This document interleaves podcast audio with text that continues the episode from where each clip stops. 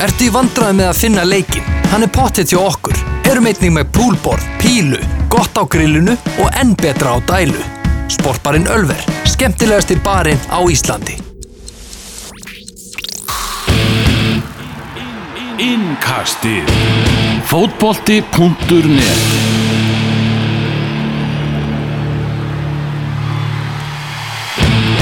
Evrópuinkastið hjálpar þér að stitta föstudaginn langað sérstök páskaútgáfa af innkastinu. Elvar í Reykjavík, Daniel í Vestmannum. Allt hefðbundið, allt eins og það á að vera.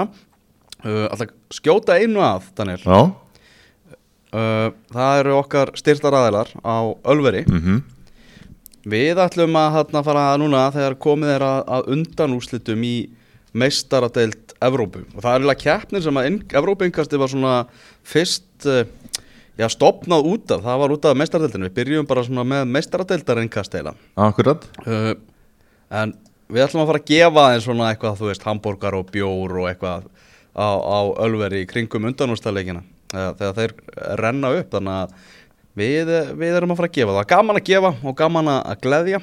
Mhm. uh, Anna plögg það er að þarna á morgun þá er útastátturinn fótbolti.net með risastóra Pepsi Max uppbytun, ætlum að skoða öll liðin, heyri einhvern þjálfurum og, og gýra okkur aðeins upp í Pepsi Max deildina sem hefst eftir viku, hvorki meira en Læsið, Herri, ég er líka með plögg. Kottu með plögg. Ef einhvern langar að læra á gítar þá er það gítarnámskið.is Á, Finnur, er á, ekki tilbúin að læra á gítar? Finnur okkur á Facebook Ég er með kennara í þessu í Reykjavík og bara líf og fjör sko. Gaman að fara á gítarglamrandi inn í sumari til dæmis. En ef maður býr í vestmannu, Þá, þá kenni ég. Þá kennir þú. Það er gaman að þessu. Heyrðu, Ah. mínu menn í Manchester United sem eru núna að rembast eins og rjúpan við staurin að enda í fjórðasæti ennsku úrvarsleitarinnar gæti átt á hættu að ná fjórðasætinu og komast ekki í meistaradeildina heldur fara samt í Evrópadeildina já, Nú er bara þannig að það eru tvö ennsk lið í undanúslitum í meistaradeildinni, tvö ennsk lið í úslitum í Evrópadeildinni og það er möguleiki á ennskum úslitaleikjum í báðum keppnum eins og, eins og þetta dróst allt saman. En það er bara Já. þannig að ef þú vinnur meistaradeildina eða vinnur Evrópadeildina þá færðu garantira sæti í meistaradeildinni á næsta tímabili og hámarks fjöldi sæta sem að ennska úrvarsleitin fær er 5 í meistaradeilda Evrópu. Já, uh, ok. þau getur ekki fjölgað í Evrópadeildinni þau verða alltaf 2 þar. Mm þannig að það, þetta, þetta getur orðið svona fyndið púsluspil hérna í lokin. Það er möguleiki á því að Manchester United endi í fjórðarsættin og nái markmiðunum en missi af þáttökur rétt í meistaradeilda Evrópu sem er því náttúrulega kannski veginn bara já, svona með hvernig þetta er búið að vera. Bara já, galinn endir á, á tímabilinu og getur orðið bara niðurstaðan. Sko ég held að það sé núna e, afa litla líkur af því að Manchester United verði í fjóraðasæti í ennskúrastældinni þannig að þau þurfa hvað sem er að hafa ágjör á þessu. Já, ándjóks ég, hérna, Mér finnst það lið vera á mestri nýðurleið af þessum liðum sem er í baróttinu um þetta sæti Já, já, ég sagði ykkur þetta Pochettino, málið.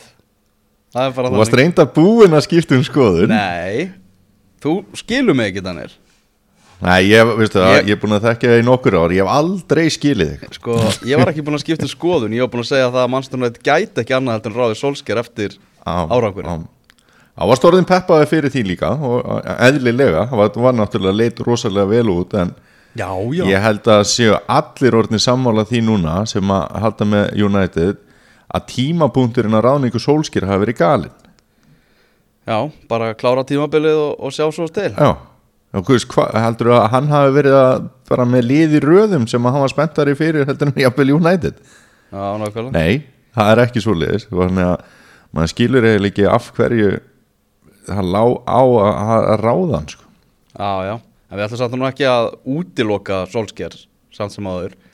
Algjörlega sammála því en hérna, að skoða þetta eftir tímabilið eins og er gjarnan gert þegar að koma svo kallaði bráðabyrja stjórar út að hann var ekkit hugsaður annað en bráðabyrja stjóri fyrst. Mm. og svo náttúrulega gengur bara svona rosalega vel að ég meina kláraði það bara tímabilið og skoða þetta svo. Já, hann þessi viðreikna móti Barcelona það var, var munur á þessum tveimurliðum gigantísku munur.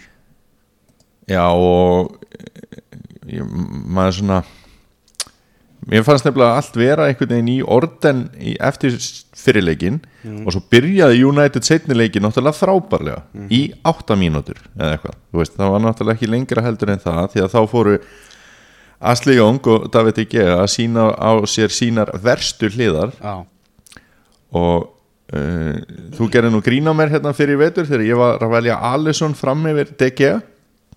Já, Alisson er betur en Gea í dag. Já, já. Það er bara þannig. Bara hlutabriðin hafa lækkað bara lækkað, hríðfallið í, í David Gea núna eftir, eftir þetta tímabil þar sem hann er búinn að vera slakur, mér finnst eins vegar sko Manchester United stuðningsmenn voðalega grimmir og neikvæðnir sko, neikvæðir. Já, hvernig það? Uh, bara einhvern veginn nú er bara talaðir um Gea eins og drast bara margir hverjir sko með þessi Já. maður er búinn að koma í vekk fyrir það að þú veist Manchester United sé bara Everton sko Já, já, á und, akkurat. undanförnum tímabilum sko Mhm. menn hann er búinn að vera valið leikmaður tímabilsins bara aftur og aftur og aftur og alveg rétt sem að Morinni og sagði þá er liðið ekki gott ef að markvörðurinn er alltaf valinn bestur sko Nei, nei, það er algjörlega þannig þannig að hann þú veist þetta þetta sem hefur verið í gangi undanfarið ár hjá David G og náttúrulega líka HM síðast eh, þetta er bara eitthvað sem hann þarf að komast út úr. Hann er betri markvörður heldur en hann hefur sínt undanfarna 12 mánuði. Já, af hverju allir þetta sé? Er hugurinn komin eitthvað annað þú veist? Hann, hefur þrálega verið orðað að vera Real Madrid á sínu ferli bara. Það heldur bara þú veist að Real Madrid hafa eitthvað mikið áhuga á hann núna eftir, eftir þessa 12 mánuði ég veit ekki hvað að segja. Þeim hefur náttúrulega ekkert gengið rosalega vel að veðja á markmenn. Nei. Eftir að Casillas fer ég held að það sé alveg hægt að segja það. Mm og Tíbu Courtois hefur valdið miklu vonbyrðum á þessu tímabili. Mhm. Tíbu Courtois var náttúrulega bara keiftur af því að það átti að kaupa einhvern og fyrst að það var ekki hægt að kaupa DG Já, Þú veist, átti náttúrulega að kaupa DG það var ekki að ganga og þá var eiginlega bara einhver keiftur sko. þó, að Courtois, þó að Courtois hafi náttúrulega ekkit eh, verið bjánalega hugmynd með að hans gæði sko. Mhm. en þá er einhvern veginn svona leikmaður settur inn í hlutverk sem hann var ekkit hugsaður í þannig að DG hefur náttúrulega verið hugsaður í þetta hlutverk þannig að svari við spurningunni minni er já, eða spurningunni þinni er já ég held að þeir séu alveg spennti fyrir honum sko Ég held að Manchester United stundum sem geta verið hrættir eða við sumarið. Eins og við erum búin að marka oft tala um hvað eru margir margir stórlagsar sem eru að fara að reyna að bara umtörna sínu liði í sumar. Þá einhvern veginn ef að Manchester United situr eftir missir að meistaradeildasæti þá munu þeir bara vera neðarlega í gókunaröðinni þegar kemur að þessari baróttu í sumakluganum og hvort að Ed Woodward og Ole Gunnar Solskjær Solskjær með enga reynslu af því að vestlæðin í, í svona stórlið og Ed Woodward með reynslu af því að mistakast? Það kemur að því að, að vestlæðin þetta, það eru, eru viðföruna bjöldur sem er bara gargant hjá Old Trafford sko. Já, hvað finnst þér þá um þessa umræðu sem er núna bæði með United og hefur náttúrulega verið lengi með Arsenal og, og, og, og fleiri liðum þetta með yfirmann knaspunumála það sé í raun og verið fengi maður sem á að sjá um þessa hluti fyrst og síðast og það meira til þegar kemur að starfi innan félagsins er þetta eitthvað sem að lið eru bara að vannmeta svona mikið að hafa betri mann í þessu? United stuðningsmenn hafa náttúrulega rósað Woodward í, í bara já, bara mjög mikið hvað hann er klókur að ná í alls konar samninga og búa til peninga fyrir félagið og svo er hann hörmulegur í að eyða þeim.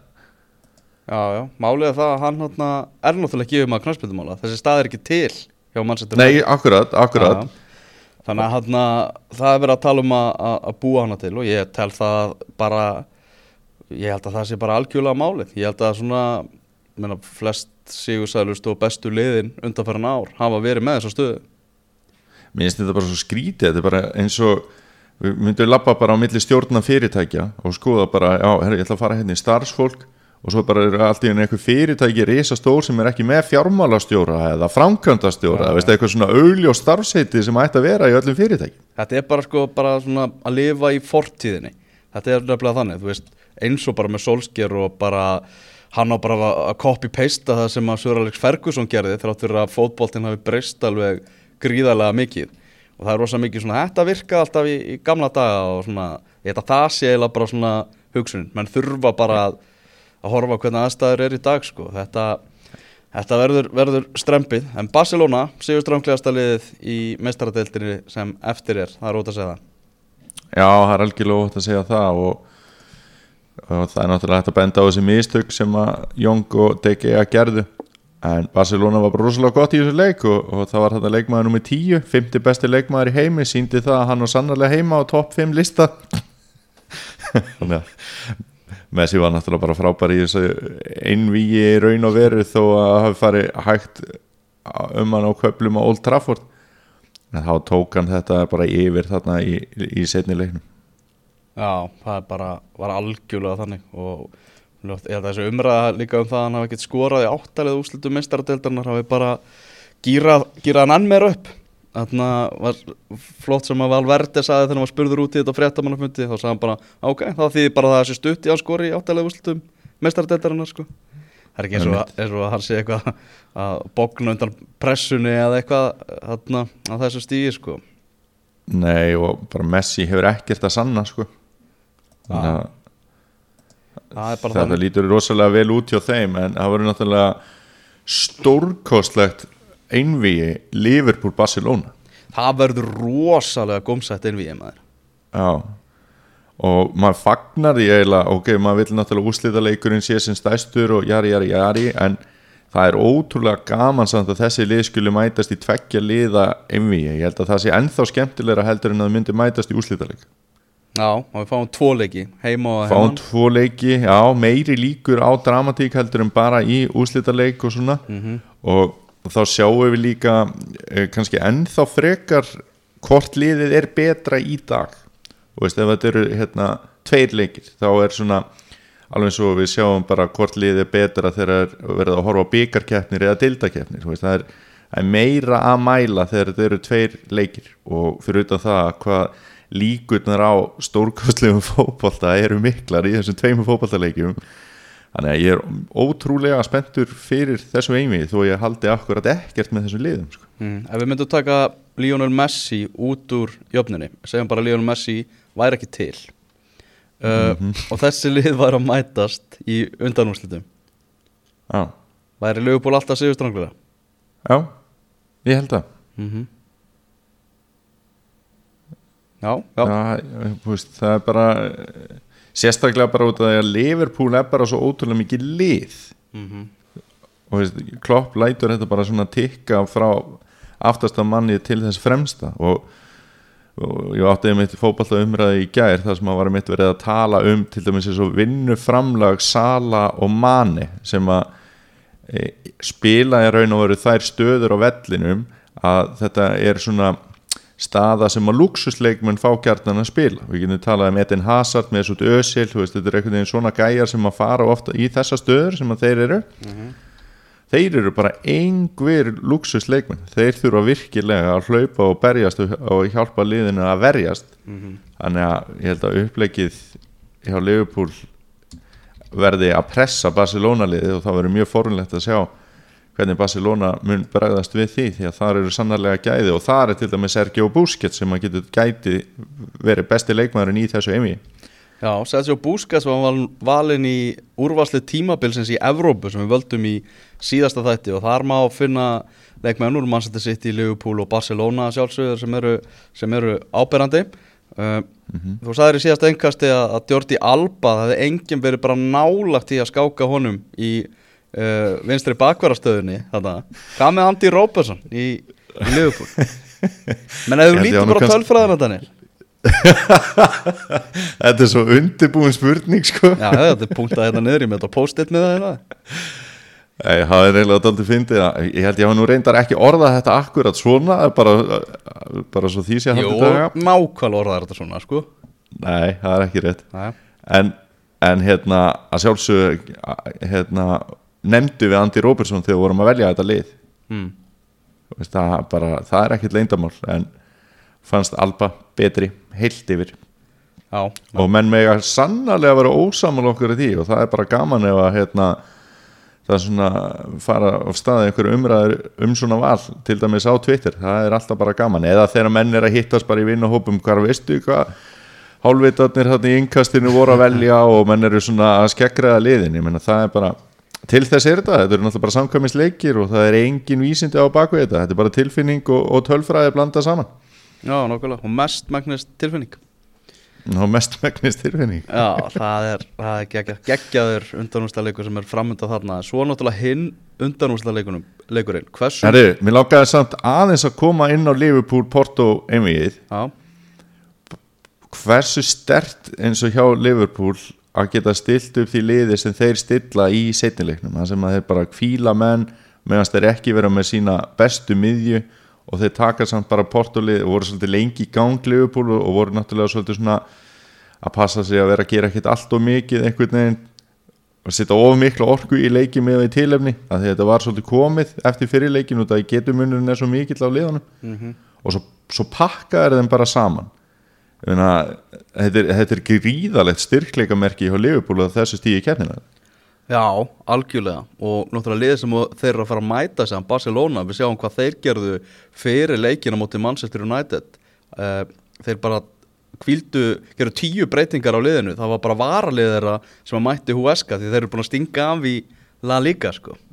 Já, Þannig að það er hægt að það er hægt að sigla þetta svolítið svona sko, nýta, nýta breyttina og það er ráttur að þetta varalið Barcelona hafa nú ekki eins og náða að vinna Huesca það er nú einu að já, það er virkilega, virkilega stert en það svakalega mikilvæg leikir framöndan hjá Liverpool. Mm -hmm, en hversu magnað er það að Ajax eða Tottenham verði í úrslita leiknum? Ef við horfum bara tilbaka Ajax er búið að fara lengstu leið sem nokkuð lið hefur gert í meistartöldinni fóru gegnum þrjár umferðir í forkjafninu og með svo töpuðu leik í, í forkjafninu uh, náðu þess- þannig að komast inn í reyðlakjafnina síðan er liðin náttúrulega búið að slá Real Madrid og Juventus í tveggja leikja einvíum sem þýðir það náttúrulega bara að þetta leik getur unnið þessa keppni. Ef þú getur unnið Real Madrid og Juventus þá getur þú unnið öllið í Evrópu. Uh, svo gleymum við því ekki hvað tóttir hann byrjaði þessa hérna þessa ágættur riðlakeppni ríkalega, við vorum eitthvað eitt stig eftir þrjár umferðir og við vorum eiginlega bara búin að blása úr leik að myndu sitja eftir í, í riðlinum. Og þess annarkvort þessara liða verður í úrslita leiknum sem að framferi í Madrid. Er, þetta ekki, er ekki rétt hjá mér að þetta er sama leið sem að Ajax fer og ef Íslands lið færi alla þessa leið Jú, ég held það bara. Já, og, já hvort það muni einum leik eða eitthvað einni við Einrima í, í viðbót. Já, og veist, sem er náttúrulega ótrúlega magnaður árangur og, og hérna sýnir náttúrulega bara hvað er búið að ganga vel að búa til leikmenn þarna hjá Ajax og, og líka með Dusan Tadic hvernig hann kemur þarna til, til þeirra og hann er bara búin að vera algjörlega frábær. Og Matthæsti líkt hann náttúrulega er að spila sína síðustu leiki fyrir Ajax ég held að það sé bara nokkuð ljóst sko þó að manni finnist eins og hún líki kannski ekkert á en þegar það kemur alveg tilbúð og, og hann, er, hann er alveg tilbúin til þess að fara í bestu lið heims. Manni finnst það. Já, já. Svo líka svona, þetta er svo mikið dómin og áhrif. Þegar, þú veist, liðir að missa sína bestu menn þá veginn svona þeir sem eru á jaðri þeirra þú veist, þeir munu líka vilja fara þú veist, ekki sitja eftir meðan allir hinn eru að fara í einhver lúksuslið um alla Evrópu, sko, þetta er svolítið þetta er svolítið leiðilegt einhvern veginn þetta er svo ótrúlega skemmtilegt og flott fótboltalið eins og við síndu bara já, sérstaklega í setni hálfleiknum í, í, í leiknum hérna í vikunni. Þetta var náttúrulega bara frábær fótbolti og hvernig bara þrýhyrningaspil og, og, og hraðarfæslur og, og bara allt sem þið buðu upp á. Algjörlega geggjaðu sóknarleikur og þeir unnu Juventus bara mjög samfærandi fannst mér. Þeir hefðu alveg getað unni setnileikin stærra. Já, þarna var ferskleikin að vinna reynsluna. Já, bara ekki spurning og núna erum við búin að vinna gamla liðans Ronaldo, ríkjandi meistara og svo líka Ronaldo. Þannig að það eru þarna tvær stóra geitur ef við getum orðað það þannig sem að þeir eru bara búin að slá út og í báðum tilfellum freka samfærandi sko. Þetta hefur bara ekkit verið neitt brasa á Ajax að klára þessar umur Já, mákvæðlega uh, Þú talaður um það í hérna eftir fyrirreikina í áttalega úrslutum að þeir hafðu eiginlega verið svolítið vombriði, skemmtana gildið ég, ég sagði býðum eftir að, að allir leikjendur eru búnir. Hvernig metur þetta núna? Herri, ég meira að segja gekk svo langt að ég talaði um hvort að áttalið og úrslitin yrði ekki bara vombrið Já, nákvæmlega. Hann, hann í ljósi fyrirleikjana að þetta færi allt eftir bókinni. E, ég myndi segja að þetta hafi stemt í svona 5,5 og þetta fór upp í 9,5 það er aldeilis sem að þetta breytist í flugveldasýningu og þar er náttúrulega þessi leikur Manchester City og Tottenham. Þar var náttúrulega bara brjálæði í bytni bara nú sá ég ekki þennan leik í, í bytni útsendingu, hef bara séð highlightsið og eitthvað, var að horfa á mína menn í leikni skítapa í mjólkurbeikarnum á sama tíma. Hvað, hvað gekk eða á? Hvað, hversu vondar voru varnir liðana og, og, og hvað var þetta?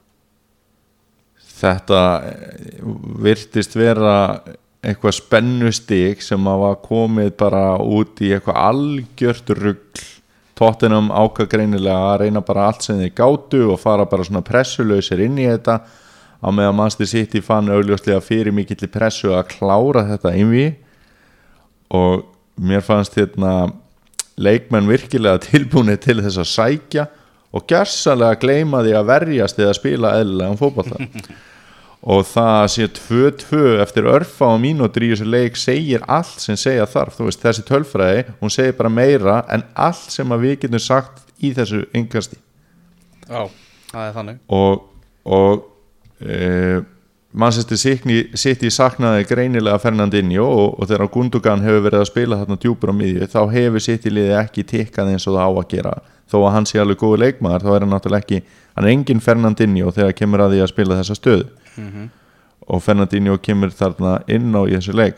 Og við töluðum með mitt um það að hérna vorum að rýna í liðin í janúar að þetta væri staða sem sitt í ætti að kaupa í til þess að vera hvað tilbúnast í að taka við skakaföllum ef að Fernandinho dettur út sem að er mikilvægasti leikmaður Manchester City.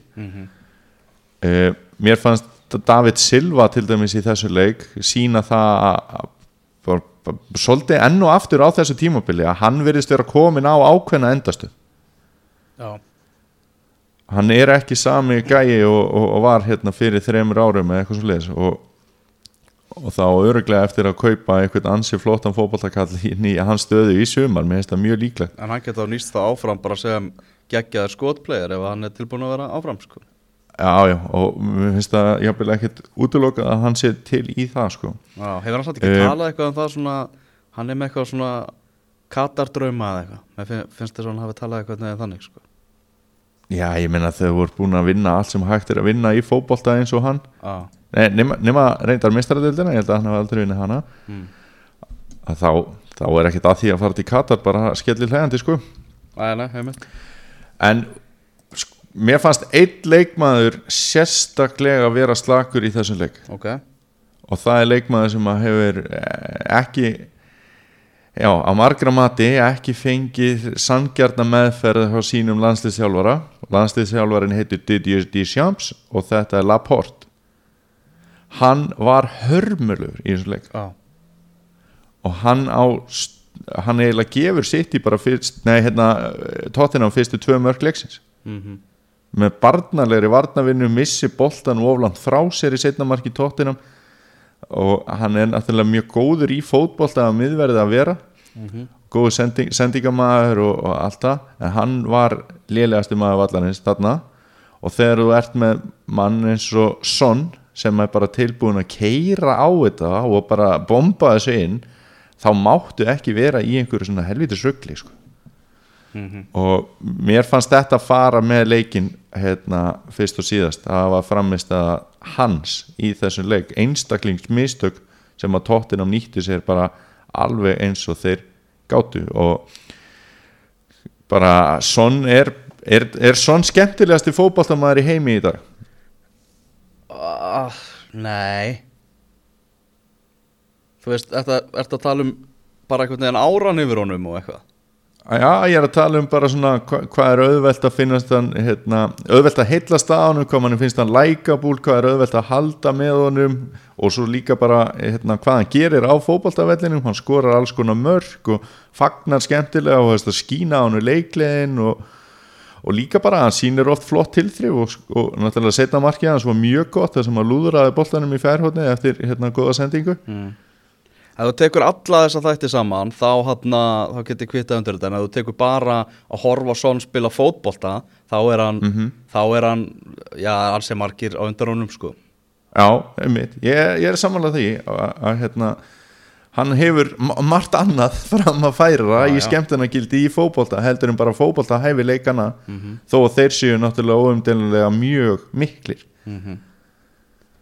En nú verðum við held ég að, að svona venda okkur kvæði í kross þegar við erum að, að tala um þennan leik og tala um myndbandsdómkjæslu Já, við getum bara farið sko eitthvað veginn svona almennt í bara varsjána sem að var bara mjög einkennandi yfir þessa leiki í, í vikunni og, og bara allt of áberandi. Það var bara þegar, eins og ég sagði þá horfði ég á highlights hann úr öllum leikjunum og það var bara endalust var, var, var bara myndir af dómurum að skoða skjái sko. Mér fannst nefnilega í Manchester City leiknum þá horfði ég einmitt á highlights líka og þá var verið að sína svona mikið var. Mm. og svo horfði ég á allan leikin bara eftir, eftir á. Og mér fannst þetta þá var ég með svona tilfinningu á tók þetta allt svona ógeðislega langan tíma? En svo þegar maður horfði á leikin þetta tók einhver stund. Já, Þetta var ótrúlega svo má fólki finnast það sem að því finnst um var og allt það en þetta var ótrúlega góð auglýsing fyrir var í þessu leik hvernig var á að geta hjálpa dómurum að dæma leikin betur og réttar án þess að það taki viku að, að, að, að hérna, benda í aðra okkur áttina sko. þannig að mér fannst það svona já, það er aldrei einkennandi í þessum leik þú hendur í könnunar Moritz. Já, hvað varst það að bjóða upp á þær?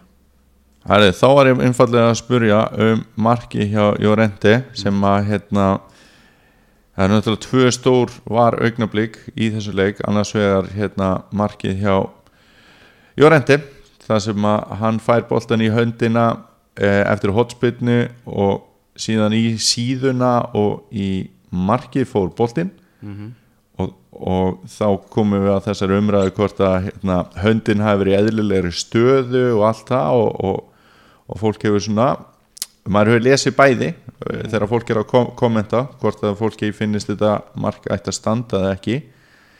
Og það eru 122 búin að taka þátt í þessari könnun þannig að við myndum segja að hún sé vel marktæk. Og það eru 83% sem segja að Mark Lorente hefði átt að standa Já, ég er alveg sammála því. Mér finnst ef að það hefur verið dæmt af þá hefur verið að refsónum einhvern veginn fyrir að vera með hendur. Mm. Uh, hins og að skilja alveg þann punkt að uh, sem að ég sá einhver staðar sem að var að tala um að mark ætti aldrei að vera skorað með hendi. Veist, ætti aldrei að Nei, vera og- löglegt að skora með hendi. En eins og í þessu tilfelli þá skorar hann náttúrulega ekki með hendinni Nei, nei, hann skorar með síðunni. Já, já, en þú veist, ef, ef þú getur ekki skorað mark með hendi en, en þú getur haldið leik áfram, skilur þú veist, þetta er svona... Það, er bara ég, ég er sammála meiri hlutanum, meiri hluti, hluti fólksins hefur, hefur rétt fyrir sér. Já, en maður hefði samt skilið bæði. Þetta er eiginlega algjörlega þannig moment, maður hefði alveg skilið ef þetta mark hefði verið dæmt af. En eh, líklega er réttari niðurstað að láta marki standa og, og hann var mjög samfærandi hvað, hvað heitir aftur okkar besti Tyrki sem var að dæma þennan leik? Hann heitir Kuneit Sakir. Kunit Sakir. Já. og veist, hann, hann var bara grjótarður leitt þarna á skjáin og svo bara bent hann á síðun á sér og bara hann seldi öllum leikmönnum að hann væri að dæma rétt. Mm en svo fór Guardiola náttúrulega á stað eftir á og, og, og er svona að benda og hann var ekki sáttur og eðlilega, ég menna hann ánáttúrulega reyna að hafa áhrif á það sem er að gera knasmyndustjórar vinna við það líka að láta í sér heyra og standa með sínu liði. Síðan kemur annað, er, erum við ekki svolítið búin með þetta augnablík bara? Jú, og síðan er það hitt þegar boltinn fer að Bernardo Silva og á Aguero sem er síðan dændur ángstæður áður en hann leggur marku upp fyrir Rahim Störling og þarna náttúrulega sko fagnaðarlæti Jörgen Klopp eftir fótballtaleiki bliknuðu með að við fagnaðarlæti Guardiola. Þú veist, hann náttúrulega gerðsamlega trilltist af fögnuði þegar Störling skorar þetta mark og síndi bara ástriðuna og allt þetta hljóp fram og tilbaka hoppandi og skoppandi. Og það kom manni á óvart að þetta myndi fara í Varsjána að því að það virtist ekki vera neitt að þessu marki og það var engin heldur að kalla eftir í Sissoko var svo pyrraður, hann fór inn í klefa leikmaður tóttinam bara þegar þetta mark kom. Og hérna bara þvílíkt fótbolta augnablík síðan er þetta skoðað og þegar boltinn fer af Bernardo Silva að þá skiptir ekki máli hvort að hann sé að reyna að senda það ekki. Það er bara því að hann er sóknumæður og kemur boltanum á Aguero sem er fyrir innan þó að það sé tæft þá samkvæmt reglum er það rángstaða þannig að þarna var, aftur að hafa áhrif á leikin og dæma rétt eða sem sagt aðstofa dómaran við að dæma rétt. Þetta var svo mikið bila rússibanna moment sko. Já, Vá sko. Ég meina ef það er eitthvað ef þú ert einhver tíma slegin utanundir í kappleik þá hlýtur það að vera það sem að loksins gengur hlutirnir upp það sem þú ert að tryggja þig í undanúslitin í meistaradeildinni stó, stóru eirun, þetta er bara einn stærsta keppni heims og svo er þetta bara er þessi kift frá þér bara augnabliki síðan sko. Getur þau trúið því að, að þarna voru nú ansi mörg augu á þessum leik af knaspinustjórum vísvegarum heiminn að þeir hafi hugsað ég ætla ekki að lenda í þessu sem að Guardiola gerði þarna að vera bara hoppandi eins og vittlisingur á fögnuði og síðan allt einu bara eins og auðli stuttu setna heldur þetta getið svona dreigið úr ástriðinu og, og, og passjóninu í mönnum? Uh, veit ekki alveg hvort við erum að segja ástriðinu og passjóninu þannig en ég held að þetta geti dreigið úr einmitt þessum fagnaðalátum bara svona instant fagnaðalátum eins og var þarna. Menn reyna frekar að fagna bara inn í sér og svo býða og sjá hvort að þetta verður eitthvað tekið í burtu frá manni. Já, og, og þetta hefur náttúrulega oft við höfum alveg oft séð svona í raun og veru áður en að var kemur, þú veist hérna, dómari hefur alveg þurft að svona ráðfæra sig við aðstofadómara áður en að mark er dæmt. Og meira að en að marklínu tækni kom að þá hérna, hefur við alveg séð svona augnablik það sem að allt er einhvern veginn á heljar þröm og, og, og enginn veit alveg hvað, hvað hann á að gera hvort hann á að leifa sér að fagna eða hvernig það er. Sturlaðasta svona moment sem ég hef lendi var Ísland-Austuríki þegar maður var á státu Frans og, og, og hérna Arnur Ingvi skorar þarna úr síðustu snertingu leiksins. Maður vissi ekki alveg hvað var að gerast. Þú veist, maður vissi ekki hvort að hérna, það var búið að dæma eða hvernig það var og, og meira að segja leikmenn sjálfur og allir byrjuði að fagna, vissi ekki alveg fóru svo aftur að fagna og svo bara trilltist allt sko. Þannig að hérna, við hefum eftir að ég held að við hefum eftir að sjá var hafa klárlega áhrif á fagnaðarleiti í fótbolta. Já, maður mann líka eftir hérna Ísland-Finnland leiknum á lögatarsvöldi þegar við skoðum skoruðum mark Já. sem hefði verið hægt að dæma af út á svona 12 ástæðum sko Já, já, akkurat, akkurat þetta eru þessi augnablík þannig að og, og hvorum þessa tilfella var Varsjá þannig að auðvitað hefur þetta verið til en ég held að Varsjáin er klárlega eftir að hafa áhrif á uh, hvernig menn er eftir að fag, fagna mörgum sko. Undanúslitin í mestaradeildinni 30. apríl og 1. mæ eru fyrirleikirnir, 12. mæjaks og svo Barcelona Liverpool og svo á 50. deginu þá byrja undanúslitin í, í Evrópadeildinni þar sem þínu menni Arsenal mæta Valencia og Eintracht Frankfurt mætir Chelsea. Þannig er bara sko ekki, hann ætla ég bara að spá því að það verði ennskur úslitaleikur í Baku í Azerbaijan 29. mæ. Já, um, mér fannst ótrúlegt að fylgjast með Arsenal í þessari rimmu við Napoli Já, og ég hef bara ekki séð Arsenal svona sannfarandi í Evrópu einvigi bara mörg, mörg, mörg ár. Þeir voru ógæðslega góðir í þessu ennví á móti Napoli.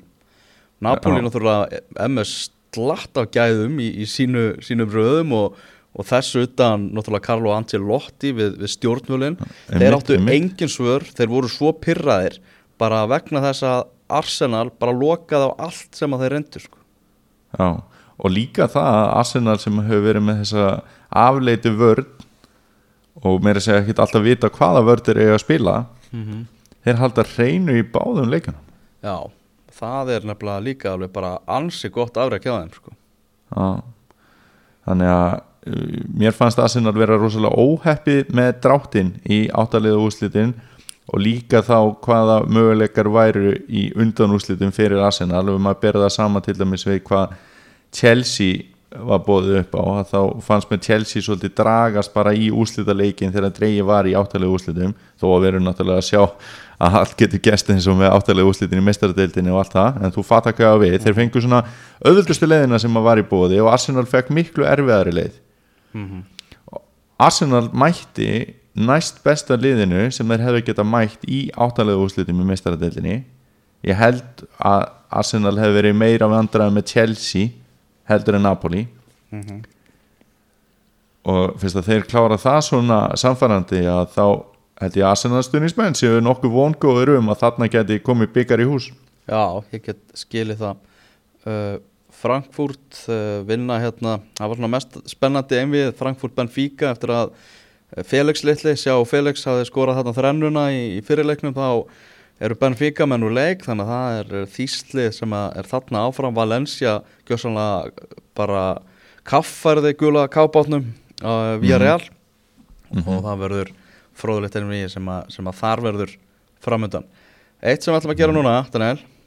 Mm? Við ætlum að skoða eins bá fréttarittara fótbolta.net fyrir ennsku úrvarsleitina sem að gerð fyrir, fyrir premjölík og sjá hvernig svona, hversu glórulegs hún er núna þegar við skoðum stöðutöfluna ok, uh, Byrjum þar á liðanum sem spáð var falli Það er Ah. sko Höttasvíld spáð 18. sæti og Cardiff 20. sæti 19. sæti Watford sem er í 10. sæti í dag sko. og hefur ekki verið í uh, bara tengslum við falldrauga á neinum tímapunkti á þessu tímabili sko. Nei, nákvæmlega. Þeim var spáð hérna fréttaröldur fótbolta.net falli fyrir tímabili. Skiljanlegar Cardiff spáð neðsta sætinu en þeir eru ennþá í von núna eftir að hafa unnið Brighton í, hérna, í vikunni sem var, var reyndar ekkert óvænt úslit því að Brighton er bara lélegast að liða deltarinnar í dag. Já, en fyrir utan höttisvill kannski? Já, kannski, kannski. Þau eru, þau eru svona harðri baráttu um þennan vafasama titil. Já, ef við horfum á sæti fyrir ofan þá er hérna í spánni þá eru Brighton Bournemouth Newcastle Southampton eru hérna í sætum 14 til 17 svona nokkurn veginn á svipuðum slóðum Bournemouth aðeins ofar í, í raunveruleikanum. Uh, mm svo kom, komum við í 13. sæti í spánni og þar er Fulham. Já, menn spáðu því bara að Fulham myndi ekki verið í neinu veseni, myndi sigla svona tiltölulega lignan sjó í teltinu og skiljanlega þeir eittu náttúrulega yfir 100 miljónum punta. Já, þannig að það er ótt að segja það að Fulham hafi við kannski verið hvað mestu vonbriðin í teltinni herri, að þú varst að tala um hérna eða peningum, þá sá ég ógeðslega skemmtilega tölfræði með Pep Guardiola. Ah. að síðan að hann kom til City er hann búin að eða 700 miljónu punta í leikmenn og það verður ekki komist lengra í meistaradeildin en David Moyes og þetta liður náttúrulega búið til sama hvað Pep Guardiola reynir að sko, dempa niður hérna meistaradeldar vendingarnar og eitthvað þá er þetta liður náttúrulega bara sett saman og, og peningarnir peningarnir dælt í það til þess að vinna meistaradeldina hann getur ekki falið neitt Nei. bak við það sko. og veist, við komum aftur að því þú veist, hvað, hvað þú ert að presentera fyrir liðið þitt og með þetta er alltaf í hug ég held að það hafi verið tímabili 2008 í Pepsi-dildinni þegar þjálfararnir voru spurðir, hérna, hva, hvað sér þú liðið þitt enda á þessu tímabili? Mhm. og þá voru eiginlega allir sem voru eitthvað bara já við ætlum bara í Evrópu baráttu og bara gera okkur besta og, og selja fullt af hambúrgurum eða eitthvað svona. Og þá var einn þjálfari sem sagðist alltaf að vera Íslandsmeistari og hann var Íslandsmeistari. Heimi Guðjónsson. Heimi Guðjónsson. Já. af hverju segir Pep Guardiola ekki bara við erum mættir hérna til að vinna meistaradeildina? Já, ókvæðlega er það ekki betra fyrir, veist, hann er búin að klikka á þessu núna ár eftir ár síðan að tóku sitt í að reyna að dempa þetta það hefur ekki lukkast, hei, prófum að gera einhver öðrissi, sittum kassan út og tölum bara háfleitt um það að við ætlum að vinna bara alla titla sem er í búið mm Höldum áfram að skoða spánuna Börnleif var spáð 12. sæti og þeir eru núna í 14. eins og staðan er Í 11. sæti í spáni voru Úlfarnir sem voru að vinna hérna Viking Ólásvík í mjólkurbyggatum Vel gert hjá þeim uh, Ég mátti eiga fimmur að brandara núna í, Já, í, í, þessu þetta Þarna, svo í tíunda sæti í spáni Kristal Palace, jú, þetta er svona eitthvað mm, Leicester níunda sæti sjöunda sæti í raunröðunleikunum Vestham var spáð áttunda sæti og er í 11.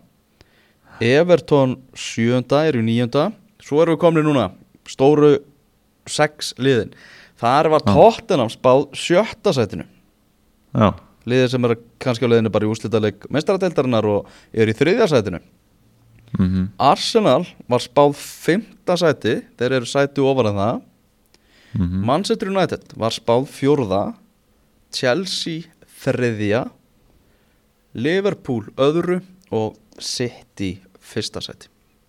Já, þannig að top 2 getur hæglega ræst. Og já, jafnvel bara bara top 3, Topp sex? 4 sko. Reyndar held ég að við séum ekki að fara að sjá tóttin um þetta nýri sjötta sæti sko. Nei það er, það er ekkert ekkert í heiminum sem að, sem að bendi til þess. Nei, Heyrðu þarna, við vorum að tala um Hvernig metur þá svona í- í þessa síðasta spá, finnst þér þetta Hvað sér við? Við vorum að tala um framburði síðasta þetta Já, já, uh, Ef við skilum þetta rétt þá við að tala um að þjálfari Southampton að það sé borið fram Hasenhuttel já, Hasen Hutel Hasenhuttel Já. En hérna, varandi spána, veist, hvernig, hvernig finnst þér þá bara svona heilt yfir fréttarítarar.net vera að standa sig? bara heilt yfir þá bara líst mér vel á þetta. Votford er svona helsta sem að sem að svona stingur í augun. Já, og, og fúlham þá á samaskapi kannski? Nei, því að sko þetta er mjög eðlilega spá á fúlam sko. Já, en, en, já, já, en þetta er samt svo langt frá. Já, já, en já, en þú veist maður svona meira svona hugsar að þetta sé óðæðilega spá með Votford sko. Þegar maður er svona búin að fylgjast með þeim í vetur. Þú veist, fúlham einhvern ok. veginn endar bara þeir endar bara svona í selfóstróti bara þegar selfós fjall úr einn kassodeildin í, í fyrra bara með og var bara dýrasta lið sem að hefur fallið úr einn kassodeildinni Mm einhvern veginn svona fór allt í allt úrskeiði sem að mögulega gat farið úrskeiðis Já, algjörlega. Herru, hvað erum við að tala um í boltanum hérna á næstunni? Það er náttúrulega, er, er ekki, já, við erum að tala um Tottenham í á við erum morgun. að tala, já, það er bara, eh, ég ætlaði með þetta að spyrja þig, fá þig til að leggja mat á eitt. Eigur það vinningslíkur Manchester City í ennsku úrvastildinni að vera dotnir út úr meistaratildinni? Ég tel það ekki vera. Nei, ég tel það ekki heldur vera. Nei, það er bara einhvern veginn, ég held að meiri líkur á því að, að, að þeir, það skemmi fyrir þeim. Já, jafnvel sko. Að þetta svona, þú veist, trublið á einhvern veginn og pyrrið á. Taki, Mhm. taki svona svolítið gýrin frá þeim. Þeir meiri líkur á því, en ég ætla samt að spá því að City muni vinna Tottenham á morgun. Já, ég er sammála og hérna, ég held að bestu liðin vilja bara vera í öllum keppnum sem lengst sko. Mm Svo erum við að tala um páskadag. Þar verður mikið stuð. Mm Þar erum við að tala um Everton, Manchester United Arsenal, Crystal Palace Og Cardiff, Liverpool. Og það verður hægt að horfa á alla þessa leiki á, Hjá okkar mönnum á, á Ölveri. Einmitt, einmitt. Svo er spilað bara áfram. Og veist það er bara Það verður ekkert hægt að spila sko. Það verður bara Chelsea Burnley á mánudaginn. Já, uh, á þriðjudeginu verður Tottenham Brighton og Watford Southampton. Og svo á miðvikudeginu Wolves, Arsenal og Manchester United Manchester City. Og einmitt eftir þannleik þá ætlum við að taka upp næsta Európa-engast Gætu við séð stærsta sigur tímabilsins koma í Tottenham Brighton á þriðdægin? það er möguleik á því það Já, getur verið ljótar tölur fyrir mína menn í Brighton sem að ég heimsótti nú hérna fyrir í einmitt. já, það er bara þannig. Heyrðu Daniel, ég óskar gleðilega páska, ég byrða heilsani leifu og möffu litlu. Herðu, hérna, ertu búin að fá páskaðeg? nei, Mamma og pappi voru einna síðustu helgi. Mm. Og svo segja, herru, ég segi eitthvað svona, herru, ég þarf aðeins að skjótast út í búð og þau eitthvað, já, herru, við komum bara með og svo fórum við í, í, út í búð og þau leiðum mér að velja með páskaegg Mm. ég er 33 ára sko. Tókst ekki strömpa? ég fæ, ég fæ, ég fæ, ennþá páskaegg frá mömmu og pappa og ég hef fengið á hverju ári Með þetta dúlulegt Já, mér finnst það mjög dúllegt Ég mátti mér að segja að velja handa leifur líka sko. Við óskum hlustendum gleðilegra páska Takk fyrir í dag Ertu í vandræði með að finna leikin? Hann er pottet hjá okkur. Erum einnig með poolboard, pílu, gott á grillinu og enn betra á dælu. Sportbarinn Ölver, skemmtilegasti barinn á Íslandi.